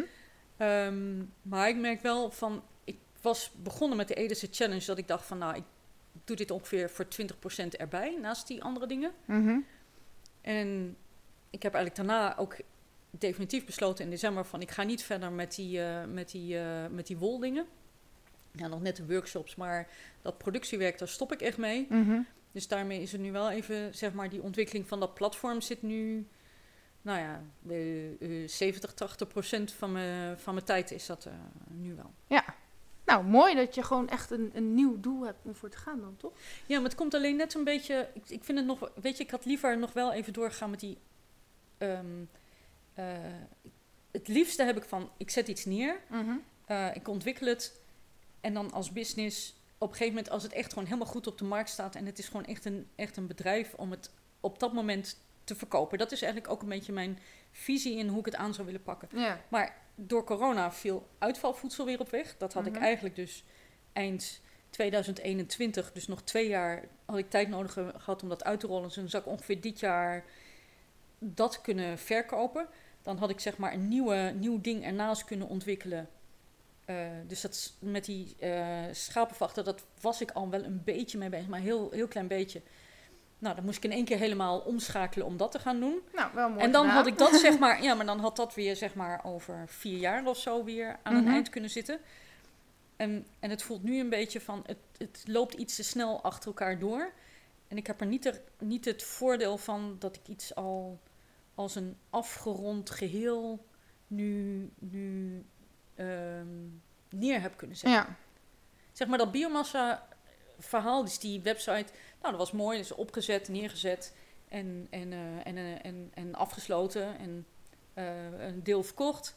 Nou ja, en dan zeg maar weer de volgende eroverheen. Mhm. Dus ik, ik, ik moet nu ook wel die adviesdingen gewoon blijven Ja. Maar misschien dat, dat die wol allemaal niet voor niks was en dat dat uiteindelijk ook nog heel veel gaat betekenen voor het platform, dat weet je ook nooit. Soms, doe, het soms zal- doe je dingen en dan weet je niet waarom je ze doet. En dan achteraf denk je, oh, daarom. Ja, dat vind ik een hele mooie dat je dat als, als advies eh, meegeeft. Maar dat is natuurlijk jouw werk om dat ook wel weer als, als, als coach neer te zetten. Ja. Toch? Van eh, ja, iets, iets heeft wel een, een, een, eh, een betekenis en komt ook wel weer terug. En misschien met dat, zeg maar, vanuit dat pimpen gezien, Mhm. ja, iets, iets ergens omheen filten. Mhm. Eh, als het gewoon iets niet te groot is, kun je dat best op de hand doen. Dus je, je weet nooit. Eh, even kijken. Ja, ik las nog over. Ik was dus al jouw pagina's en dingen aan bekijken. En ik zag, eh, volgens mij was dat Twitter, iets staan over de grondstof Caumera. En ik dacht, ik wil graag weten wat het is. Dus, Nou, dat is het leuke als je dus ook nog een bijbaantje hebt. Ja. Want, want eh, ehm, eh, wat ik al zei, van, eh, ik doe ook nog wat in het bestuur bij het waterschap. mhm. En ehm, en waterschap Veluwe. Een heel groot gebied, want het is helemaal van de Noord-Veluwe tot voorbij Amersfoort, zeg maar, Bunschoten, Renen, nou, net, net een beetje zo Renkum, net een beetje om Arnhem heen en dan de hele IJssel weer naar het noorden. En, ehm, maar wat erbij eh, het leuke van Vallei en Veluwe is, die zijn ook heel erg bezig met circulaire economie. Mhm. En dus die zijn ook aan het kijken of ze uit alle processen die ze doen, of ze daar weer grondstoffen uit kunnen halen. En een van de producten die ze nu weten te winnen, je hebt verschillende soorten hoe je water kunt reinigen in de waterzuivering. Mhm. Ehm, en een van de methodes die, ehm, eh, die zit in, eh in Epe. Ehm, en door die methode halen ze een spulletje uit die, eh, uit die waterzuivering. En eh, dat noemen ze een polymeer. Mhm. En dat is dan wel weer een lastige eh, chemische term. Maar een polymeer is eigenlijk een, een plastic is ook een polymeer. Ja. En eh, eh, dat zit een beetje, dat weten ze nu te, te winnen. Mhm. En ehm, ze noemen het Calmera, want de Calmera is ook een. Een, eh, een eh, het verandert van samenstelling. Dus de Oh ja, samenstelling is chameleon is, eh Juist. staan. Ja. niet- dus het verandert van samenstelling. Mhm. Ehm, maar het is dus eh, ehm, het is helemaal een organisch spulletje. Mhm. Ehm, en mogelijkerwijs is het een beetje iets wat een beetje een, een plakmateriaaltje is. Ehm, dus als je weer een, iets hebt waar een, eh, een, een vezeltje in zit, of een, eh, eh, nou ja, wol is ook een vezeltje, Mhm. maar je kan ook ehm, in hout zitten ook allemaal vezeltjes en, en ehm, vlas, daar zitten in die stengels zijn ook allemaal vezels. Mhm. Maar als die vezels, eh, ja, dat zijn eigenlijk alleen maar draadjes. En als je die op een of andere manier aan elkaar wil plakken, zeg maar. ehm, eh, daar moet je een, eh, eh, iets, iets hebben dat dat aan elkaar blijft zitten. Ja. En Comera zou zo'n materiaal kunnen zijn. Maar dat weten we nog niet zeker. Nou ja, waar ze nu. Dus het wordt gewonnen, dus er wordt nu heel veel onderzoek aangedaan. En het waterschap heeft nu een samenwerking met een, eh, met een bedrijf die daar nu een coating om een korreltje maakt. Om, Mhm. om, om- ook om zaadjes heen, zeg maar. Kun je dat eh, doen? Mhm. Ehm, want als je gewoon zaadjes gewoon open laat liggen, dan kunnen ze uitdrogen. En als je dus een coatingje omheen, dan drogen ze niet, makkelijker, niet zo snel uit en dan kiemen ze makkelijker. Ehm, maar dat is het bedrijf waar het waterschap rechtstreeks mee werkt. Maar er is ook bijvoorbeeld een club die in Arnhem zit. En die maken daar met de resten die ze ook weer uit de zuivering halen van wc-papier. Mhm. Die vezeltjes gebruiken ze weer. En dan voegen ze nog wat andere stofjes aan toe. En dan doen ze die Calmera mee. Mhm. En daarmee kunnen ze 3D printen. Oké. Eh, dat is heel gaaf. En dat Ja. ziet er al bijna uit alsof het gewoon, zeg maar, cement is wat ze, wat ze printen. En het is heel stevig, dus daar kun je zelfs eh, muurtjes mee, mee bouwen. En zij hebben dat spul dan, dus die Calmera dan dus onder andere ook, ehm, hebben ze laten zien bij de laatste Dutch Design Week. Mhm. Daar heeft een, eh, helemaal zo'n huis gestaan van allemaal eh biobased, dus spullen van plantenresten hebben ze helemaal een huis van gemaakt. Ehm, en daar hebben ze de wc-ruimte, hebben zij, eh, ehm, eh, dus met die Calmera weer geprint. Hm. Nou, het is dan toch weer leuk hoe dat dan weer rond zit. Ja, ik ga een beetje naar de eh, afrondende vragen, maar ik heb eigenlijk helemaal niet zo heel veel over je leven. Maar dus Calmera heb ik niet zelf Nee, bedacht. Dat Maar ik, ben wel maar degene, maar ik ben wel degene die dan in het bestuur weer steeds Mhm. roept als het over gaat van, van ja, maar we moeten vooral wel heel erg met die circulariteit mee, mee bezig. En toevallig gisteravond hadden we ook nog weer een vergadering. Mhm. En dat we dan wel, dan hebben we het over de jaarrekening, maar dan is het ook van, nou ja, ehm, maar gaat het er dan uitzien dat we met Calmera dan ook nog weer eens, zit er dan ook nog weer iets in dat we al kunnen, er geld aan kunnen verdienen? Ja. Nou, dat kan dan nog niet, daar is het allemaal nog te vroeg voor. Ehm, maar dat is dan wel weer leuk om zo'n vraag te stellen. Ja. Ehm, ik zit even te denken. Ja, ik heb niet zo heel veel eh, dingen over je persoonlijk leven gesteld, maar ik zie nu dat de tijd al best wel... Maar dit is wel je passie, dus... eh, Nou ja, een, een van de dingen Ja. die ik misschien nog toe wil voegen Ja. van mijn persoonlijk leven. mhm. Ehm, jaren geleden vroegen mensen wel eens van over wie je dan bent. Van Ja. wat is jouw gekte? Ja. Er zijn altijd mensen die hebben bepaalde hobby's Mhm. of die doen bepaalde dingen die anders zijn dan wat een ander is. En toen heb ik heel erg zitten denken van nou, wat is mijn ding eigenlijk? Of wat doe ik echt wat een ander niet doen- doet? En, en dat is dat ik een vakantienomade ben. Oké, en wat is dat? Dus ik ben wel een nomade, maar Mhm. eigenlijk alleen in vakantietijd. Mhm. En, en dat is eigenlijk, ik doe het eigenlijk door het hele jaar door. Dan denk ik van, nou, ik heb gewoon even zin om onderweg te zijn. Ja. En dan pak ik mijn fiets en dan gooi ik mijn fietstassen erop, tentje erin. En dan gaan we gewoon ergens heen fietsen. En dan, nou ja, op een gegeven moment dan zoeken we wel gewoon ergens een plekje om te slapen. En nou ja, in de, in de zomertijd is dat gewoon een camping. Of nou ja, pas nu in Frankrijk gefietst en de meeste plekken in, de- op een camping gestaan. Maar we hebben ook gewoon bij mensen in de tuin gekampeerd. En gewoon een beetje, nou ja, we, we plannen niet per se waar we uitkomen. Mhm. Ehm, en het is nu fietsen, maar dat heb ik ook met de rugzak gedaan en met de kano. En gewoon het, ik vind het onwijs leuk om onderweg te zijn. Mhm. En toen zei iemand, ja, maar als je dat dan weer vergelijkt ook met je werk, dan, ik ben ook heel erg aan het ontwikkelen. En dat onderweg zijn, dat vind ik heerlijk. Ja. Ehm, maar toen zei iemand, ja, maar je hebt dus ook altijd, ben je dan nooit bang dat je, waar je dan s'nachts moet slapen? Mhm. En toen zei hij, er, komt altijd wel een plekje waar je... Je kan altijd ergens je tent wel neerzetten. Ja. En er is altijd wel, eigenlijk... Nou ja, er is altijd wel een winkel waar je eten neer kan zetten. Of als ik dat niet weet, dan zorg ik dat ik van tevoren gewoon wat eten meeneem. Eh, en water heb je ook altijd nodig. En nou ja, weet je, desnoods bel je bij iemand aan. Ja. En dan zeg je, mag ik, even mijn, mag ik hier even mijn zak water vullen? Ja. En, dan, en dat komt altijd gewoon goed. Ja. En eigenlijk doe ik dat met mijn werk ook wel. Ik heb ook wel ontzettend vertrouwen in ehm, dat dingen altijd wel goed komen. Er komt, Ja. altijd, er komt altijd iets uit.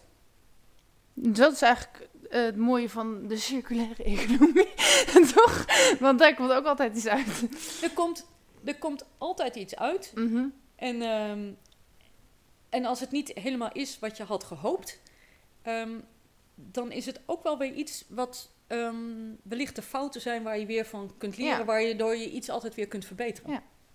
Oké, en hoe zou je dan herinnerd willen worden als je bent overleden? Ook zo als een nomade? Of...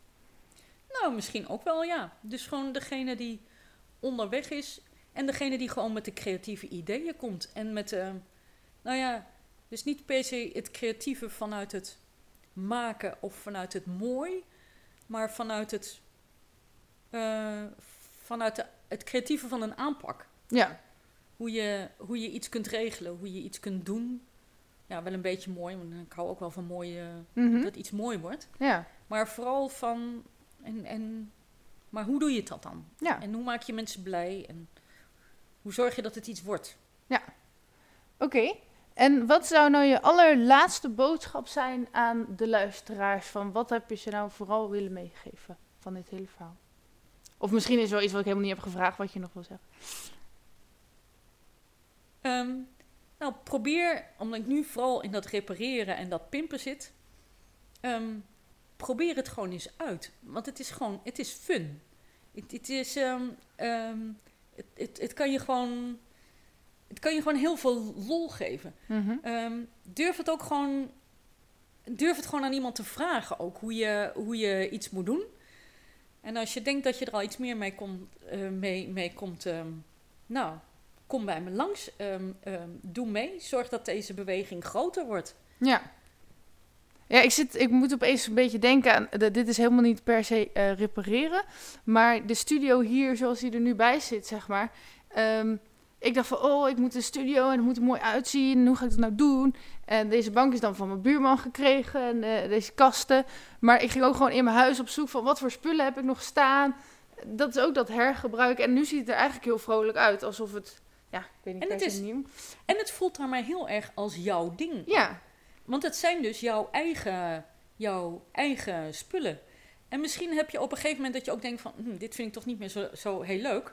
Weet je, misschien leg je het voor een tijdje weg... en dan rommel je weer eens van wat had ik nog aan spullen. Want dan Ja. zeg je ook, ik heb in huis gekeken van wat had ik nog liggen. mhm. En iets krijgt dan in één keer een nieuwe functie. Ja, maar in ieder geval, ik, vind, ik was toen wel helemaal verbaasd over hoe mooi het hieruit is gaan zien van spullen die ik gewoon had, zeg maar.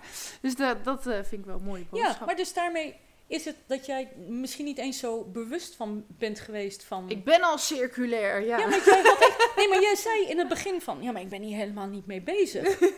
En ik ben eigenlijk niet met mijn spullen bezig. En, en onbewust heb je het wel gedaan. Ja, Maar er zijn, er zullen he- heel wat mensen zijn die het ook onbewust wel, weliswaar doen. ja. Ehm, maar het is ook gewoon het leuke, want ik bedoel, zie wat voor mooi resultaat jij ermee Ja. mee gecreëerd hebt. Mhm. En wat voor lol het ook, ook geeft. En, en juist ook dat idee van dat ik aan mensen mee wil geven. Nou, misschien heb je het ook gewoon nog nooit gedaan. Of probeer het eens uit. ja. Of andersom ook, ja, toch ook gewoon heel basic. Als je apparaat kapot is en je hebt toevallig toch een schroevendraaier liggen en je weet gewoon niet of, of je iets mee kan. Weet je, draai het in ieder geval eens een keertje open en, en, en kijk eens. Want, want je zult soms ook gewoon versteld staan hoe simpel een ding in elkaar zit. En je ziet gewoon meteen misschien dat iets, ja, dat er wel een draadje zit en dat je al denkt van, nou, dit zijn toch twee draadjes, hadden vast vast moeten zitten. ja.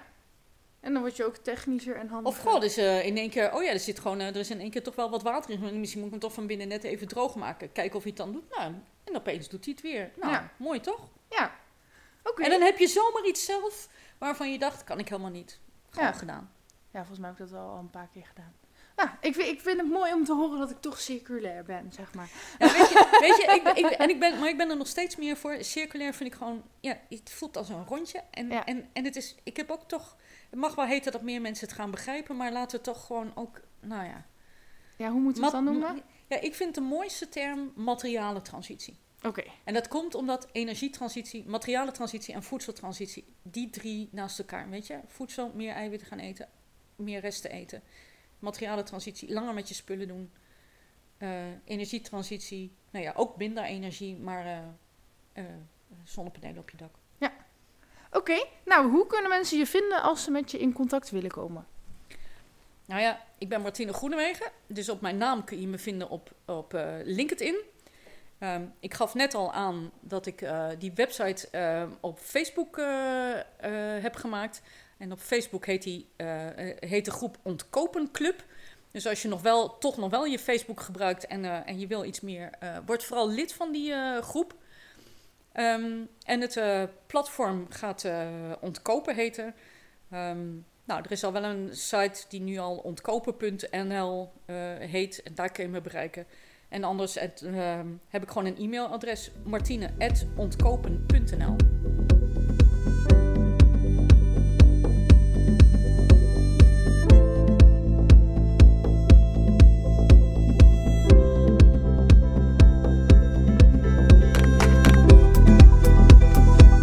Meer weten? Ga naar belinda.nl of volg mij op Facebook en Instagram. Doei!